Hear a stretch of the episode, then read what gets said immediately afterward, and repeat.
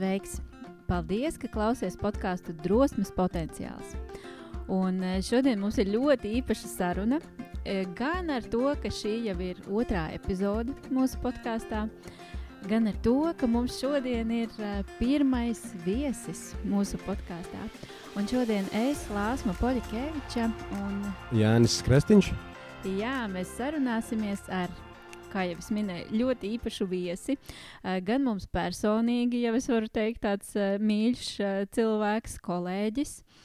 Gan ļoti sasaucās ar mūsu podkāstu nosaukumu par drosmi, jo drosmes trenere ir viens no viņas uh, amata nosaukumiem, ja tā oficiāli var teikt. Bet tā tad uh, pieteikšu šodien pie mums ciemos ir Agnija Šmita certificēts integrālais coach un biznesa vadības un drosmes trenere. Sveika, Agnija! Sveika, Lāsma! Sveiks, Jāni! Un sveiks, sveiki visiem klausītājiem! Jā, un Agnija, varbūt tu vari nedaudz paskaidrot, ko tie visi tavi nosaukumi nozīmē un kas tur slēpjas apakšā. Jā, man daudz prasa, kas ir integrālais. Un integrālais coach ir tiešām tas, kas ir visaptverošs un iekļaujošs, kas uh, strādā ar cilvēkiem ar šo šādu pieeju. Bet cik mums šodien ir drosmes tēma, tad es vairāk gribētu pateikt, ko es tieši kā drosmes treneris daru. Un es strādāju, palīdzu un atbalstu cilvēkus tad, kad viņi ir izaicinājumi vai neziņas brīžos. Es palīdzu viņiem saskatīt uh, dažādas uh, risinājumus, paskatīties uz situāciju no dažādiem skatu punktiem, atklāt resursus, kas viņiem ir nepieciešami, lai viņi varētu doties uz priekšu, un arī uh, iegūt drosmi rīkoties, lai viņi varētu sasniegt to, kas viņiem patiesi ir svarīgs. Tāpēc man tā drosmes tēma ir patiešām ļoti tuva, un es Lāsmu un Jānu esmu ļoti, ļoti priecīga, ka jūs esat man uzaicinājuši šādu brīnišķīgu podkāstu ciklu uh, Drosmes potenciāls. Man ir jautājums uzreiz. Jūs teicat, ka drosme tev ir tuva tēma. Kāpēc? Jā, zini, tas ir uh, saistībā ar uh, to, ka man vispār patīk uh, šī es pat esmu piedzīvojis ļoti daudz, ka man ir eh, nepieciešama drosme dzīvē. Lai es varētu iet uz priekšu, varētu attīstīties, lai es varētu iepazīt sevi. Tāpēc es sev saucu par drosmīgu personību. Mm. Un es domāju, ka mēs noteikti parunāsim vairāk, kas ir tas, ko tu dari. Man liekas, klausītājs arī interesē, kā tad uh, vēl attīstīt savu drosmi. Uh, Bet iesākumā man gribās atkal pajautāt, tad, uh, ko tieši tev nozīmē šī drosme? Kā tu saproti to? Nu, jā, jo kā, man liekas, ka ar drosmi ir tā, ka uh, cik vien cilvēki, tik arī definīcijas, kas ir drosme. Ja, jo drosme katram ir savs. Vienam tas ir izlikt ar izpletni, otram ir uh, iepazīt sevi, trešam varbūt tās, tas ir uh, piezvanīt kādam nepazīstamam cilvēkam, un ceturtajam vienkārši varbūt tās, tas ir uh, būt nezināmajā neziņā. Vai... Man, priekš manis savukārt drosme ir tāda. Tā kā uzņemties atbildību par savu dzīvi, uzņemties atbildību par saviem lēmumiem.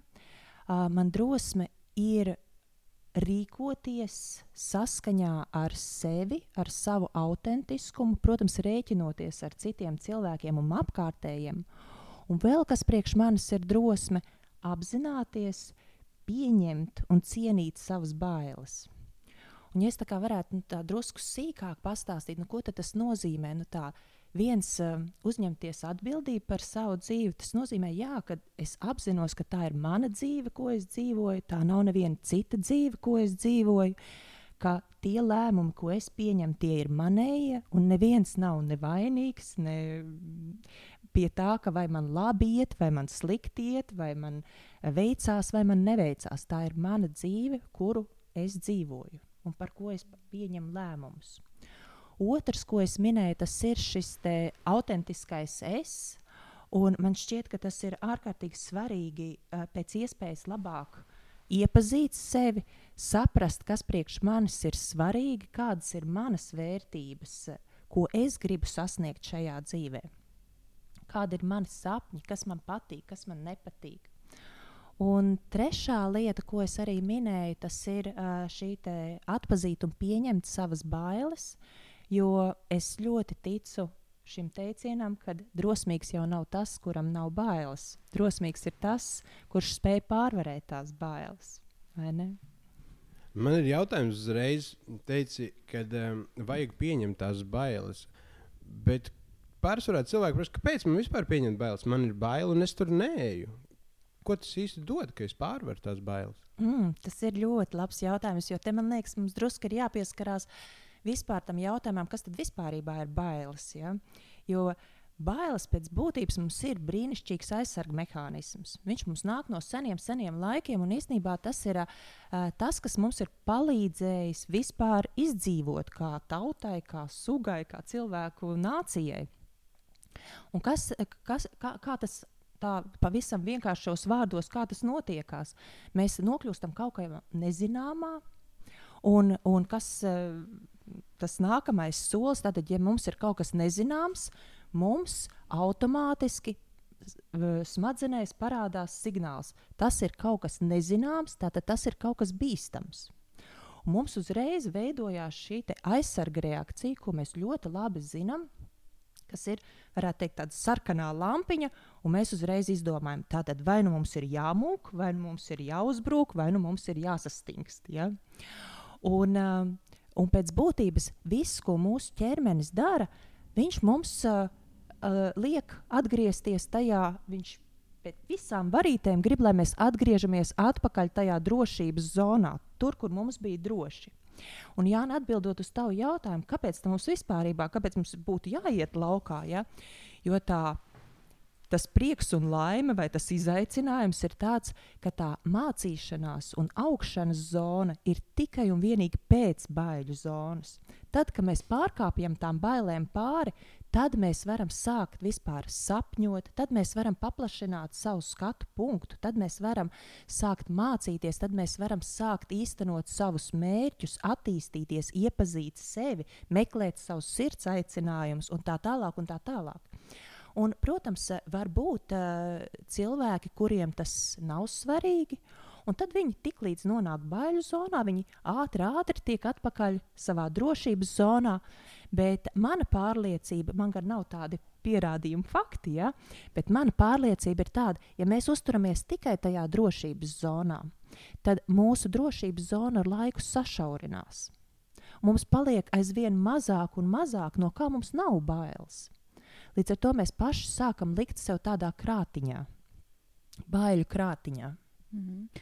Paldies, Agnija. Man šis viss izklausījās tik loģiski manām ausīm. Man liekas, mēs koči uh, ikdienā arī ar to ļoti labi strādājam un saprotam šo. Un man liekas, ka uh, cilvēkiem vispār ar vien vairāk vajadzētu izglītoties arī par uh, dažne, dažādām tēmām, lai mēs saprastu vispār, kas ar mums notiek kaut vai uh, bioloģiski ķermenī, ja, kā izdalās šie hormoni baiļu ietekmē. Bet um, Nu jā, un uh, varbūt tu varētu vairāk arī pastāstīt. Tu teici, ka samazinās tā komforta zona, ja, un bailes uh, savukārt tad, uh, parādās tāds lielāks lauks bailēm. Bet uh, man būtu interesanti tavs viedoklis, kur tu redzi, tad, uh, kur ir tā baiļu robeža? Kas ir kā, normāli, no kā baidīties, no kā nevajadzētu baidīties, un varbūt tad sasaistot arī ar drosmi kopā? Kā tas saslēdzās? Jā, tas arī tas ir ļoti labs jautājums, jo tādēļ, ka katram priekš mums ir nu, savs tas uh, baiļu slieksnis, ja tā varētu teikt, un mums katram ir no kaut kā cita baila. Jo kāpēc? Tāpēc, ka atkal mēs katrs esam ar savu pieredzi, ar savu unikalitāti, ar savu pašu es, ja, ar savu kodolu. Un katram no mums ir sava pieredze, no kā mēs baidamies vai no kā mēs nebaidamies. Un, uh, lai arī tik dažādas šīs bailes ir, vienmēr, vienmēr viņas ir ļoti patiesas galvā. Mēs tiešām viņas reāli piedzīvojam. Tas nav tikai kaut kāds izdomājums, ja? bet mēs viņus reāli piedzīvojam, tās bailes. Un es esmu diezgan daudz arī domājis par tādām galējībām, par drosmes uh, galējībām, kur tad ir tās galējības. Un viens ir nu, tāds, kur mēs varētu teikt, tāda pārgalvība, ja? vai um, ka tiek, nezinu, piemēram, gribu izlekt ar izpletni. šausmīgi bail, bet nē, man tas ir obligāti jāizdara. Un tad ir jautājums, kāda ir tā motivācija, kāpēc es to daru. Ja es gribu vienkārši iepazīt labāk sevi un um, pārvarēt savas bailes, tad tā ir drosme. Bet, ja tas ir, kad es gribu pierādīt kādam citam vai ievilkt vienkārši ķeksīti sienu uh, pie izdarāmo lietu sarakstu, tad manā uztverē tā nav drosme. Jo bieži vien, tad, kad mēs ejam uz pārgalvību, mēs pazaudējam atkal savu kontaktu ar sevi. Mēs vairs nerēķinamies ar savām spējām, ar savām vajadzībām un ko mēs vispār varam un ko mēs nevaram. Un tā manā uztverē vairs nav drosme. Tā jau ir tiešām tā pārgalvība. Otra puse ir atkal tā skarbs vārds, bet gļēvulība, varbūt es gribētu teikt. Un tas ir mirklis, ka cilvēks vairs atkal pazaudējis sevi, viņš vadās tikai un vienīgi pēc savām bailēm.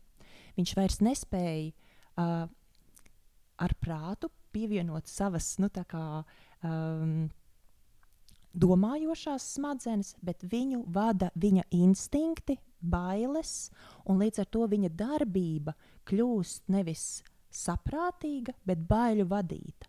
Un tāpēc mēs bieži vien arī redzam, ka īstenībā pat arī daudzi noziegumi, kas ir gan fiziski, gan emocionāli, uh, tiek paveikti tieši tā iemesla dēļ, kad cilvēku vada bailes.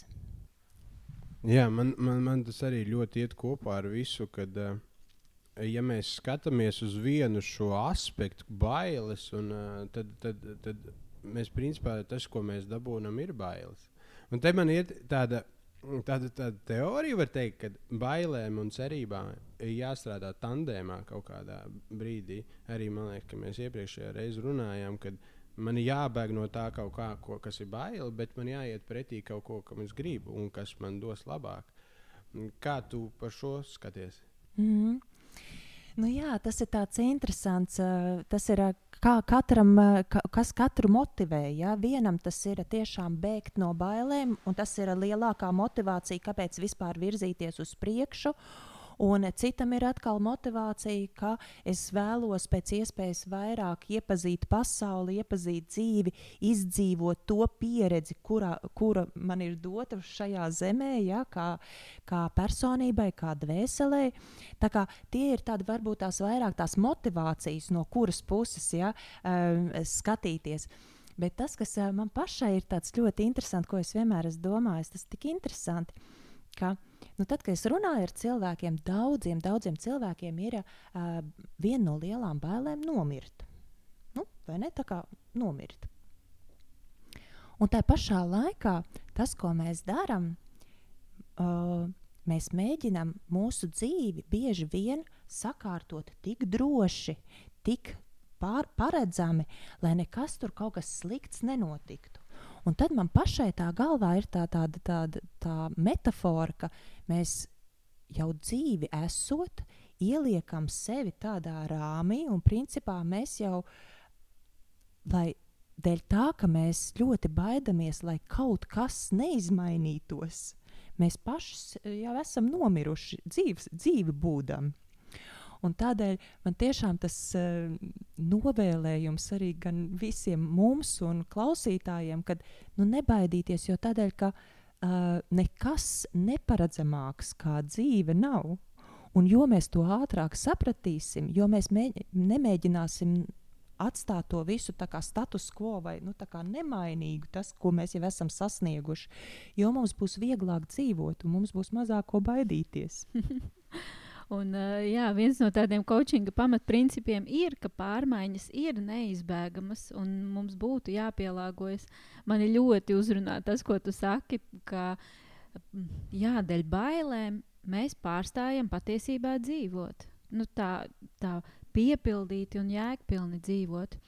Un arī iepriekš tas, ko tu teici par uh, drosmes galējībām, es nebiju to padomājusi tieši šādā veidā, šīs divas uh, galējības. Jo man liekas, pagājušajā reizē mēs arī runājām par izplatņu lēkšanu, un nu, man tā bilde salikās kopā. Kāpēc tā ir, ka vienam tas ir baigais va varoņdarbs, un viņam liekas, wow, kāds cits izlec ar izplatni. Un savukārt citam cilvēkam, kurš to stāsta, nē, nu, nezinu, nebija bail, un, un tas bija vienkārši jāizdara. Ja? Nu, tad katrs mēs to uztveram citādāk. Bet, uh, Agnija, varbūt runājot par tevi pašu, es domāju, ka mums ar Jāni arī ļoti interesanti tam pieskarties un pajautāt, kur tad tev dzīvē ir bijušas varbūt jā, kādas tās lielākās bailes, un kā tad tu atradi to drosmi, kur tu viņu meklēji un kā tu tiki galā ar bailēm. Jā, nu, godīgi man ir jāatzīstās, godīgi, jo um, pēc būtības es uh, saskaros ar ļoti daudz bailēm. Es neesmu no tādiem bezbailīgajiem cilvēkiem. Tāpēc uh, man ir nepieciešama liela drosme ikdienā. Un manas bailes saistās ar tādiem, nu, protams, kad ir vairāki tādi bloki, bet uh, viens no tādiem ļoti būtiskiem man ir, ka viņas saistās ar apkārtējiem cilvēkiem, Jo uh, man patiešām ir ārkārtīgi svarīgi apkārtējie cilvēki un kā viņi jūtas, kā viņi domā, kas, uh, kas viņiem ir, lai viņiem būtu labsajūta, lai viņiem ir prieks. Un saliekot kopā to ar manu personību, kur man ir tiešām ļoti dziļa empātija pret cilvēkiem, un, un es tiešām ar tādu lielu mīlestību eju pret cilvēkiem, tad uh, man vienmēr ir bijis bail kaut ko nodarīt pāri kādam cilvēkam, ja? nu, ar savu rīcību vai uzvedību. Tā kā šīs ir kā, vienas no manām lielajām bailēm. Un otra tā lielā baila, tās lielās bailes vienalga ir par to neziņu, par neziņu, nedrošību, ja kaut kas, ka viss mainās. Un es pat priekš sevis esmu tā nodefinējusi, nu tā, ja man tā, ja es tā kā izkāpu no komforta zonas apmēram 20%, ja, tad tas viss man ir ok. Bet ja man uh, dzīve piespēlē spēli, ka man ir jāizkāp 80% no komforta zonas, nu, tad gan man ir ļoti, ļoti bail. Jo laikam jau kaut kur iekšā tas vēlniņš sēž, kad nu, tomēr gribās paredzēt un kontrolēt, un lai es zinu, kas būs rītdien vai parīt. Ja. Un tā pašā laikā atkal, ja man jautā, kas tad man palīdz pārvarēt tās bailes? Nu, man palīdz pārvarēt tās bailes pirmkārt, kad es tomēr esmu ļoti daudz strādājusi ar sevi un es uh, aizvien labāk un labāk iepazīstu sevi, saprotu, kas ir man svarīgs, kas ir uh, manas vērtības, kas ir tās vērtības, kuras es nepārkāpju, kas ir tas, kas man patīk, kas ir mans kodols un kas ir mans uh, sirdsceļš, tā es varētu teikt. Ja? Līdz ar to, jo es stabilāk jūtos, jo es arī varu drošāk iet pasaulē. Un man kaut kā ir man kad arī prasa, man vienmēr, kad es šo stāstu, man pašai ir tāda priekš sevis metāfora, ka es jūtos kā tāda ziedoša liepa, kā koks, kuram ir uh, dziļas saknes zemē, jo es jūtu, ka es stabili stāvu zemē ar savām saknēm. Es jūtu savu stumbru, savu kodolu, uh, kas spēj turēt ja, mani. Un, un tad ir tā skaistā lapotne, kuru, kas ir um, ziedoša, smaržojoša un ar kuru es varu dalīties ar pasauli. Un uh, sajūtot šo te, tas man ir tas drosmes, uh, viens no drosmes pamatiem, kāpēc es vispār varu uh, iet un darīt trakas lietas, tā es varētu teikt. Jā, jā paldies. Man uh, baigi uzrunāja tas, ko tu iepriekš pirms pāris minūtēm teici par to dzīvi un to nāvi. Un daudz cilvēku baidās no nāves. Ir tāds teiciens, bailes neapstādinās nāvi, bailes apstādinās dzīvi. Tas gan ir fakts.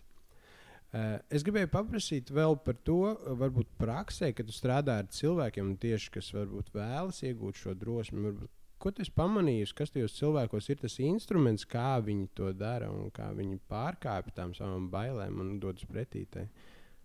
Mm. Zini, godīgi sakot, te nebūs viena atbilde, jo man patiešām uh, klienti, ar kuriem es strādāju, katrs cilvēks ir tik unikāls, tik īpašs, jo viņam ir katram sava pieeja, savs skatījums, kā viņš iet pa dzīvi. Tāpēc es esmu tik pateicīga šai integrālajai apmācībai, ko es esmu izgājusi integrālajā coaching skolā Kanādā, kur tiešām mēs. Uh, caur dažādām dimensijām, caur dažādām prizmām skatāmies uz cilvēku kā absolūti unikālu personību. Un kā jau es minēju, vienam nostrādā viens instruments, jo, kā piemēram, viens ir darītājs, ja? tad viņš visticamāk tiks cauri vai nu, pārkāps bailēm pāri ar darīšanu. Vai ir kāds, kurš ļoti ir iedziļinājies sevī, ja, un viņš prokrastinē to, ko mēs saucam par prokrastināciju. Viņam ir tik ļoti bail, ka viņš nespēr to soli uz priekšu. Tad mēs savukārt atkal uzmanīgā veidā strādājam ar to, lai būtu tā drosme spērt to soli uz priekšu. Ja? Mm. Un, Agnē, es tā sajūtu, ka tu sevī esi atradusi šo drosmi. Man pilnīgi arī skudriņš saskrēja, kad tu stāstīji par to uh, savu liepu. Bet man liekas, ka mēs tevi tik viegli nelaidīsim projām, un ka mums gribās dzirdēt kādus knifiņus. Jo es jau pati arī, mēs kā koči zinām, ka katram ir tas savs ceļš un ir sevi jāiepazīst, bet tāpat laikā Nu, kas varētu būt tie mazie solīši, kā es varētu stiprināt savu drosmi? Turklāt, zinot, ka tu esi drosmes trenere un tu arī strādā ar jauniešiem skolā, kā motu drosmes trenere, varbūt vari nedaudz arī caur šo, kā tu māci jauniešiem būt drosmīgākiem. O, jā, es esmu ļoti priecīga un lepna, ka es varu būt uh, motu brīvprātīgā trenere, jo mot ir uh, jauniešu atbalsta programma, kas uh, stiprina, lai jaunieši kļūtu spēcīgākas personības un drosmīgākas personības, lai viņi varētu sasniegt to, ko viņi vēlās savā dzīvē. Un mēs, kā motu treneri, strādājam ar pusauģiem, 13, 16 gadi, kas ir tiešām nu, tāds um, pārējais vecums, kur viņi tieši meklē sevi ja, un sav, savu es un savas vērtības. Un mēs strādājam ar trīs drosmēm drosme dzīvot, vai tas nozīmē būt pašam, ja, iepazīt sevi, drosmi rūpēties, saprast, ka ir arī līdzcilvēki, kad nav viens pats, ja, bet tā kā drosmi tātad sadarboties un iekļaut citus cilvēkus, un drosmi pateikt nē, vai pieņemt savus autentiskus uh, lēmumus. Un, uh, tā ir tiešām brīnišķīga programma, un es redzu, cik tas ļoti, ļoti palīdz jauniešiem uh, strādāt, uh, attīstīties. Un, um, Kā mēs to darām? Mēs to darām, protams, kad eh, jauniešiem ir nepieciešams daudz attraktīvāks, varbūt, veids nekā pieaugušajiem. Tādēļ mums ir eh, ļoti daudz diskusijas, spēles, eh, praktiski piemēri, skatāmies video, pārunājam, dalāmies dažādiem piemēriem, pieredzēm. Tas ir veids, kā mēs šīs trīs drosmes stiprinam. Un, lai arī es runāju šobrīd par jauniešiem, godīgi sakot, pieaugušajiem to, ko es redzu, ir tieši tās pašas vajadzības. Pilnīgi viens un tas pats. Cik ir uh, dzirdēti stāsti, cik ir grūti pateikt nē? Mēs vienmēr mākam pateikt, jā, bet cik grūti ir pateikt nē. Mm. Jo ko tas nozīmē? Tas nozīmē, ka man ir jānostājās kādam pretīm kāda cita viedokļa pretīm. Ja? Vai cik daudz vienkāršāk ir varbūt izdarīt, ko citi vēlas, bet neiedziļināties, ko es vēlos. Man, man šķiet, ka bieži vien mēs aizmirstam pajautāt šo jautājumu, ko es tieši vēlējos šajā situācijā. Jā, man arī tas, tas vienmēr ir pateikt nē, bet vienmēr mums ir izvēle pateikt nē tam otram cilvēkam vai pateikt nē sev. Un, uh, tā ir tā cīņa ar sevi. Man vienmēr ir tā doma galvā, stāv, ok, ja es negribu pateikt, nē, tad kā lai es sevi iekšēji vedu pārunas savā labā. Un es, es mēģinu, es esmu divi. Es ar sevi runājos, un, divi, un, un kā mēs varētu te izbīdīt tā, lai mēs to pasniegtu tā, ka tas ir mūsu labā. Un nevienmēr ir jāpasaka, iespējams, ka nē. Ir, mēs kaut kam pasakot, nē, pasakām jā. Un mēs apskatāmies to, kam mēs pasakām jā, un piedāvājam to otru variantu tam otram cilvēkam. Un mēs varam abi pateikt, jā, tas ir interesanti. Jo nav nekad viena puse. Tieši tā, gadījumā. jo vienmēr būs tās divas puses, un pat vissmagākajā gadījumā, visnepatīkamākajā, nu, vienmēr būs arī kaut kas pozitīvais. Kā piemēram, varbūt tagad tāds um, ļoti skaļais vārds, ja, vai visur apspriestais tas pats Covid. Ja. Protams, ka viņš nes mums tik ļoti daudz nelaimju, ja, bet tā pašā laikā tur arī ir brīnišķīgas labās puses. Ja. Un tas ir pilnīgi jebkurā lietā. Un arī tieši arī uh, bailēs vai drosmē ir savi plusi, savi mīnusi. Mm -hmm. Un Jāni, man patika, kā tu teici arī par to sarunāšanos ar sevi. Uh, Nevis, ka tā ir cīņa, jo man pašai personīgi bieži vien ir licies, ka tā ir mana cīņa ar sevi, ka man tagad tas ir jāiet un jādara, un pilnīgi caur tādām mokām kaut kādas lietas citreiz sanāk. Es nezinu, sociālajos tīklos iet, tagad tas arī ir tāds trends. Es nezinu, kā latviešu pateikt, trends, ja, bet uh, nu, to vajag. Ja tu gribi būt redzams, ej, nofilmē video caur kādām mokām es to sākumā darīju, tad varbūt Agnija, tev ir kaut kas. Es nezinu, vieglāks veids, bet nu, tāds harmoniskāks ar sevi, kā attīstīt to drosmi. Nevis vienmēr nu, tā ņemt un brutāli tikai iet un darīt, bet tiešām nu, tādā harmonijā ar sevi. Jā, man, man, man ir īstenībā, jā, jo te ir vairākas lietas, to, ko tu minēji, kad nu, pieteikt sevi arī publiski vai um, sociālos tīklos. Protams, tas ir atkal no kuras puses paskatās. Vai tas ir tagad es ņemu un kādam tagad uzbāžos ar savu informāciju viņiem, vai vispār viņiem tāda ir vajadzīga, kā es tagad iešu, ja? vai otrs variants, es domāju, bet man ir tik daudz zināšanas, un tas būtu grēks, ja es tagad slēptu sveci zem pūra un nedalītos ar, ar uh, citiem. Tad es uh, uh, nodaru kaitējumu citiem, nedaloties ar savu, savu informāciju, ar to, ko es zinu un ka, kas ir nepieciešams, nu, kā, kas varbūt tās ir nepieciešams. Un to var arī redzēt, pat ja caur, zu, caur sāpēm un zobiem, ja ieliek to e, nu, sociālos tīklos, to postu tad cik daudz brīnišķīgas uh, atsauksmes saņem. Ja? Tātad cilvēkiem ir tas nepieciešams. Bet atkal, dēļ tām bailēm, varbūt ja, mēs aizmirstam to otru pusi, arī ko Jānis minēja. Bet at, atgriežoties pie tām um, harmonisko veidu, nu es varu pateikt, man ir tāds varbūt drusku dīvains tas veids, ja, jo es viņu salīdzinu ar iešanu augstā ūdenī. Uh, agrāk man ļoti nepatika augstais ūdens. Nu, tā kā ļoti nepatika. Tāpēc vasarā, neskatoties, ka man lauka māja ir uh, desmit metru attālumā no jūras, es biju gājusi peldēties varbūt vienu, divas reizes vasarā.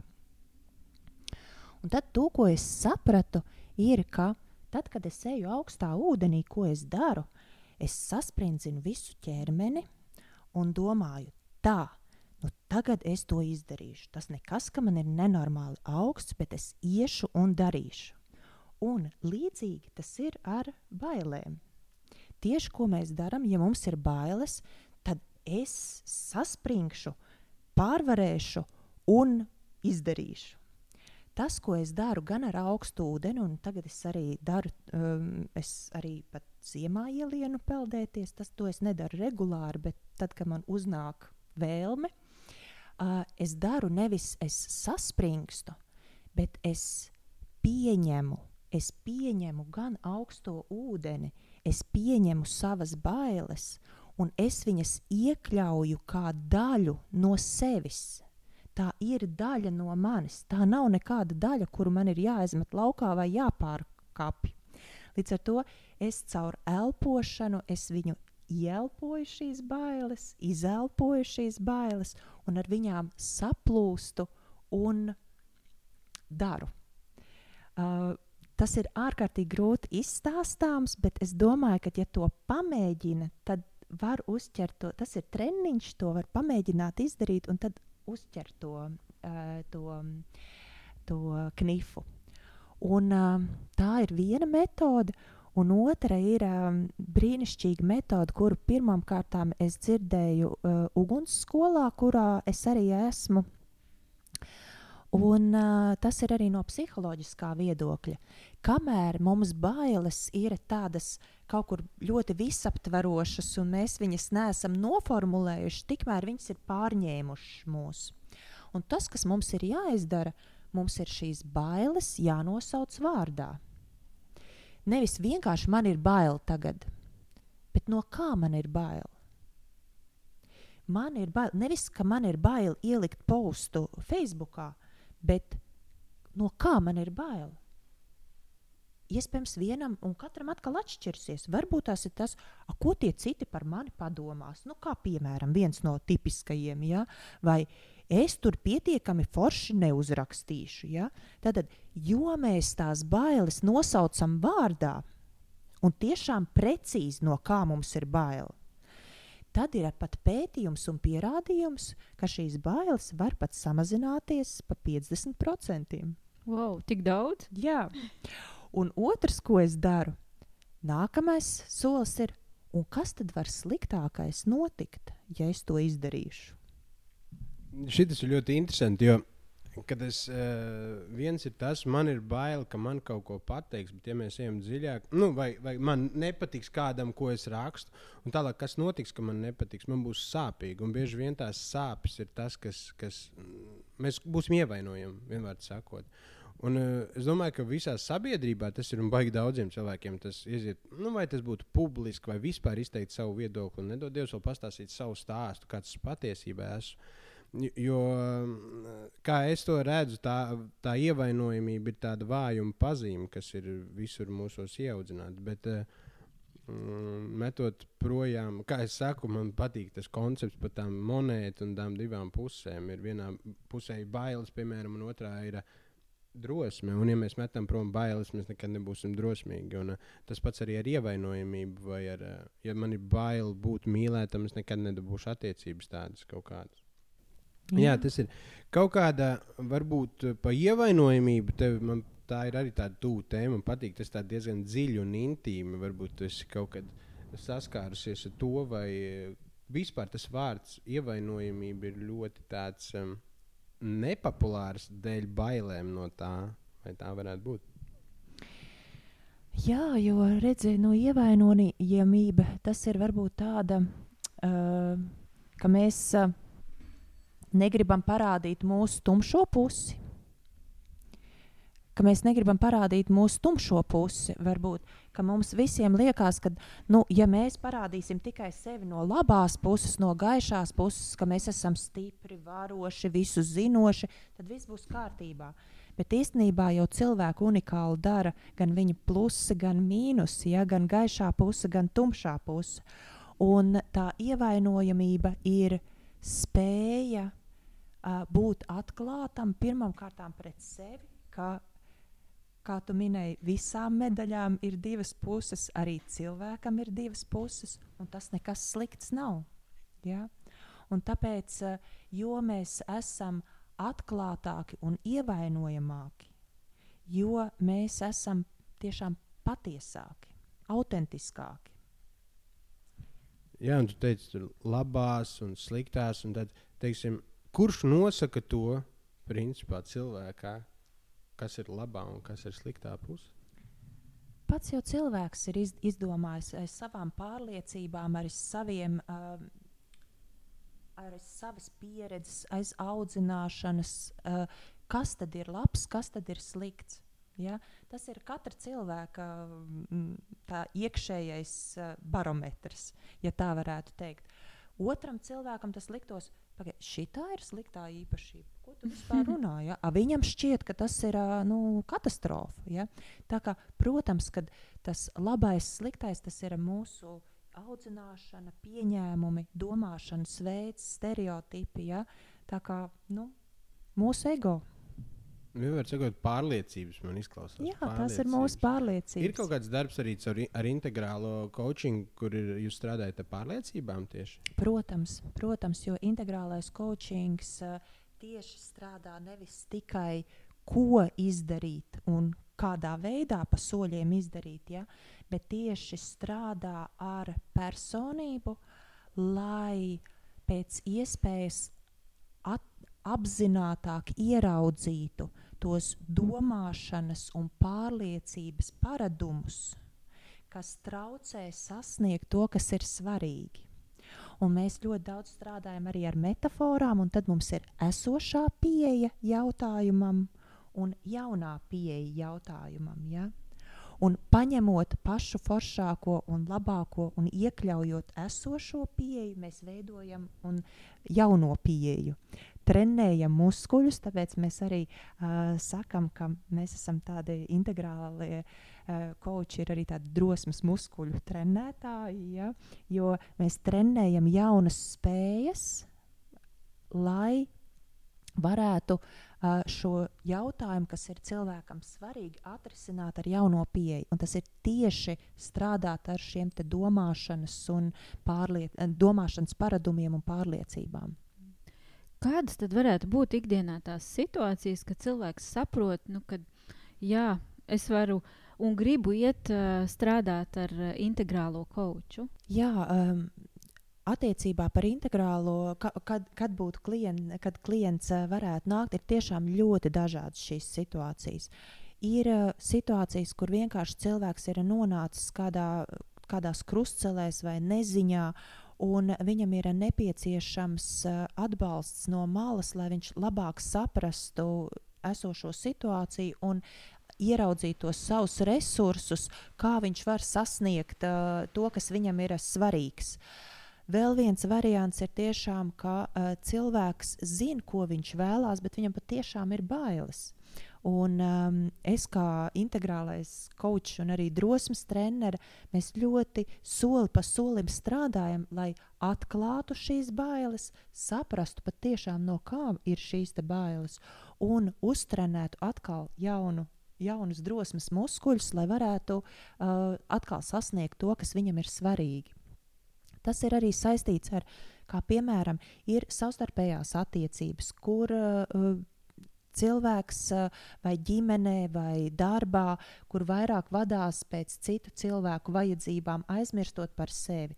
Atkal mēs strādājam, tā ir vēl viena situācija, kur vairāk, labāk iepazīt sevi, atkal nostāties, kā jau teicu, ar tām saknēm zemē, ja, sajust sevi, sajust savu kodolu. Tas ir gan profesionālā jomā, gan arī uh, privātajā dzīvē. Tā kā tās situācijas patiešām ir ļoti, ļoti dažādas. Mhm. Galu galā, jā, kad gribās tiešām daudz spēcīgāk sevī attīstīt to drosmi. Un, uh, savukārt, šobrīd tas, tas, ko es paņēmu no mūsu sarunas, tādi mazie soļi, ar ko jau var sākt, ir pirmkārt nosaukt savas bailes vārdā, atzīties, ka man tādas bailes ir, pajautāt sev, kas var sliktākais notikt, ja tiešām tās bailes realizēsies. Tad, kā tu teici, mēģināt sajust arī šīs bailes ķermenī. Jo es, piemēram, ļoti jūtu plecos, kā man saspringst. Tā tad, attiecīgi, mēģināt atslābināties kādos veidos, no es protu, un sākt pieņemt tās bailes, ka viņas ir manī, kā daļa no manis, un vēl tas nākamais solis varētu būt arī, ko es saklausīju, eh, paskatīties arī no otras puses. Tad, kad es iešu un darīšu, kas tad ir tas, ko es iegūšu, ne tik daudz skatīties uz tām bailēm, kas varētu notikt, bet arī ko es dodu vērtīgu, un līdz ar to, kas arī man pašai ir svarīgi, ieskatīties sevī dziļāk un uh, līdz ar to pieņemt tos lēmumus. Vai Jā. ir vēl kaut kas tāds, ko tu varētu? Jā, un ļoti pielik? labi, ko tu arī minēji, kad paskatīties, ko es iegūšu, un ja gadījumā kādam ir vēl joprojām izaicinājums arī saskatīt, ko iegūšu, tad vēl viens variants ir, ko es zaudēšu, ja es to neizdarīšu. Mm. Arī, ja, jo tādēļ, ka nu, Viens ir iegūt, un otrs ir zaudēt arī. Jo mēs vienmēr arī zaudējam kaut ko, ja mēs to neizdarām. Un tad varbūt tās, es nezinu, man, man tiešām pat cik drosme, es esmu pārliecināta, ka viņš ir tieši tāds pats muskulis, ko trenēt kā biceps vai vēdera presīti. Ja? Tie ir tieši, viņš ir tieši tāds pats muskulis. To, ko vēl es daru, uh, Kaut gan jā, man pēdējā laikā tas ir maz bijis vajadzīgs, jo dzīve man ir iemetusi, ka es visu laiku esmu ārpus komforta zonas. Ja? Bet, ja ir tāda ļoti mierīga dzīve, tad es ieteiktu tā, ka vienkārši speciāli izvēlēties kaut kādas diskomforta situācijas. Nav obligāti, ka ir jābūt šausmīgām bailēm. Tas nenozīmē, ka ir jālec no klints 50 metru augstumā, ja, vai tagad uzreiz špagats jāuztais. Ja. Bet uh, kaut kādas mazas lietiņas. Viena no manām mīļākajām lietām ir uh, paņemt uh, zobirsti un uh, ar otru roku izbirstēt zobus. Un jūs redzēsiet, cik ļoti nu, varbūt tāda savādāka, nepazīstama, neierasta tā situācija. Un pilnīgi ķermenis un sajūtas viss tā kā ārpēc, kas tagad vispār notiekās. Ja? Vai ir situācijas, kur piemēram, kādam ir bailes uh, aiziet, uh, kādam iepazīties ar kādu svešu cilvēku uz ielas aiziet, iepazīstieties ar svešu cilvēku, parunājieties ar viņu, veikalā parunājieties. Ja? Mēģiniet nepārtraukti sevi izaicināt un pišķiņi paspēlēties. Iziet ārpus tās komforta zonas. Jo ko tas nozīmē? Tas jums palīdzēs trenēt spēju būt nezināmajā un atļaut būt nezināmajā. Un tas savukārt trenē šo drosmes muskuli. Jo nākamajā reizē, kad jūs nonāksiet tādā situācijā, jums vairs nebūs bailes. Jo jūs jau būsiet pieredzējuši vienreiz. Jo, kā jau tur teicu, tās smadzenes jau būs sapratuši, ah, šis vairs nav tas nezināmais. Šita kaut kur tas jau ir bijis. Mm. Un mēs pamazām tuvojamies arī mūsu epizodes noslēgumam. Man tiešām bija liels prieks ar tevi parunāties, Agnī. Varbūt noslēgumā tu varētu padalīties ar kādu savu lielāko dzīves atziņu saistībā ar bailēm, ar drosmi. Jā, kas tev nāk prātā, kas būtu vērtīgs arī citiem? Tā kā no savas pieredzes, mm. kā, kur es esmu piedzīvojis drosmi. Jā. Kā, Un, laikam man viens no tādiem lielākajiem drosmes um, izaicinājumiem ir bijis, ka es uh, esmu pirms diviem gadiem aizgājis prom no uh, ļoti uh, laba darba, no sapņa darba, kur uh, es biju 20 gadus uh, vairāk biznesa vadībā un sekoju savai sirds balsī.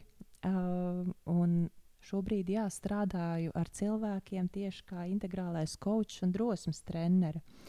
Un priekš manis tas ir bijis ļoti liels uh, drosmes solis. Man bieži vien prasa, nu, Kā tu to dabūji gatavu? Nu, kāpēc tu to vispār darīji? Un tad man tā atbilde ir, nu, ka bail ir ļoti, bet nedarīt nevar. Un tā ir tā sajūta, ka tā vēlme ir lielāka kā bailes. Mm. Un tad ir jādara. Jā. Agnī, ja gadījumā pēc šīs sarunas kāds nolēma, ka es gribu trenēt to drosmes muskuli, kā var ar tevi sazināties? Kā tevi var atrast? Tātad man var atrast, uh, man ir mājaslapa aganiešmite.lv. Vai jūs droši man varat arī zvanīt? Mans mobilais telefons ir 2913, 1489. Vai arī rakstiet man e-pastu vai Facebookā. Uh, e-pasts Agnija Šmite, agnija.šmite at gmail.com. Paldies! Un, um, es no šīs sarunas paņemu tādu vieglumu, to mieru, kad tu stāstīji sevišķi par savām saknēm. Tas man lika uzreiz aizdomāties, kur ir manas saknes, kur ir mans tas kodols, kur ir mans iekšējais spēks, lai darītu tās lietas, ko es gribu, neskatoties uz to, ka ir bail, pieņemot tās bailes, ka viņas ir manā ķermenī. Un man atnāca atmiņā attausa kāds īsts stāstīns. Tas bija no austrumiem. Es viņu, viņš ļoti mīļš ir un īstenībā viens no mīļākajiem. Es jau esmu stāstījis, kādam varbūt ir dzirdējis. Uh, austrumos uh, kur visiem patīk ļoti meditācija un uh, viņiem tā garīgā prakse. Un, uh, viens vīrietis izdomāja iet mežā vai džungļos, un viņš iet meditēt. Un viņš domā, katru dienu tā tieši un meditēšu. Un viņš aiziet un meditē. Un viņš nāk mājās, paēst, un atkal iet atpakaļ, un viņš meditē. Un tad vienā dienā viņš tā regulāri staigā, un viņš vienā dienā pamana kroplu lapas guļot zemē. Nu, viņš neko, viņš iet garām, lai viņi tur ir, un tad viņš atkal meditē un iet mājās, un nāk, nāk apakaļ uz mežu, un tā kroplā lapas visu laiku tur ir. Bet viņa tāda pēdus ir, tā kā, un nu, viss kārtībā, it kā viņa dzīvīga, spēcīga diezgan priekš tā, ka viņai nav divas pakaļkājas. Un tā viņš turpina vairākas dienas, un viņš skatās, kad viena tāda um, drosmīga lauva iet pa mežu un nes zobos gaļu tajā lapsē. Viņa atnes tajā lapsē, un tā lapas pēda, un tā lauva aiziet projām. Viņš domā, tā ir zīme no dieva, kad es varu tagad īstenībā sēdēt tajā mežā un īstenībā meditēt un nodoties garīgām, garīgai praksē. Un, un man tāpat tās dievs atsūtīs kaut ko, lai atnestu pēst. Un tā viņš arī dara. Viņš sēž un meditē, un nāk garām dienā viens mūks, un viņam iedod maizi, un viņš atkal sēž. Un, Un viņš pēta bišķiņu, bet no laika viņš paliek ar vien vājāks un vājāks, bet viņš meditē un viņam viss kārtībā. Un tad vienā dienā tas mūks atnāk un prasa, kas ir noticis. Un viņš izstāsta to stāstu, ka viņš redzēja to kroplo lapu, un viņi tur varēja gulēt, un viņi bija pēdus, un viņai tā drosmīgā lauva nāca un nesa to ēdienu. Un tad tas coaching jautājums no tā mūka puses bija, kāpēc tu izvēlējies būt kroplā lapas, nevis drosmīgā lauva? Un, uh, tas ir tas, laikam, pēc kā es arī vados, būt drosmīgam un uh, izvēlēties dažreiz ne to vieglāko ceļu, kuru gribās, bet uh, pastīties un dabūt to, ko vajag patiesībā mums pašiem, katram un arī visai pasaulē kopumā un sabiedrībai. Un to arī es visiem novēlu. Paldies, ka klausījāties mūsu sarunu. Un droši raksti mums un padalies, kādas bija tavas atziņas no šīs sarunas. Atā! Čau!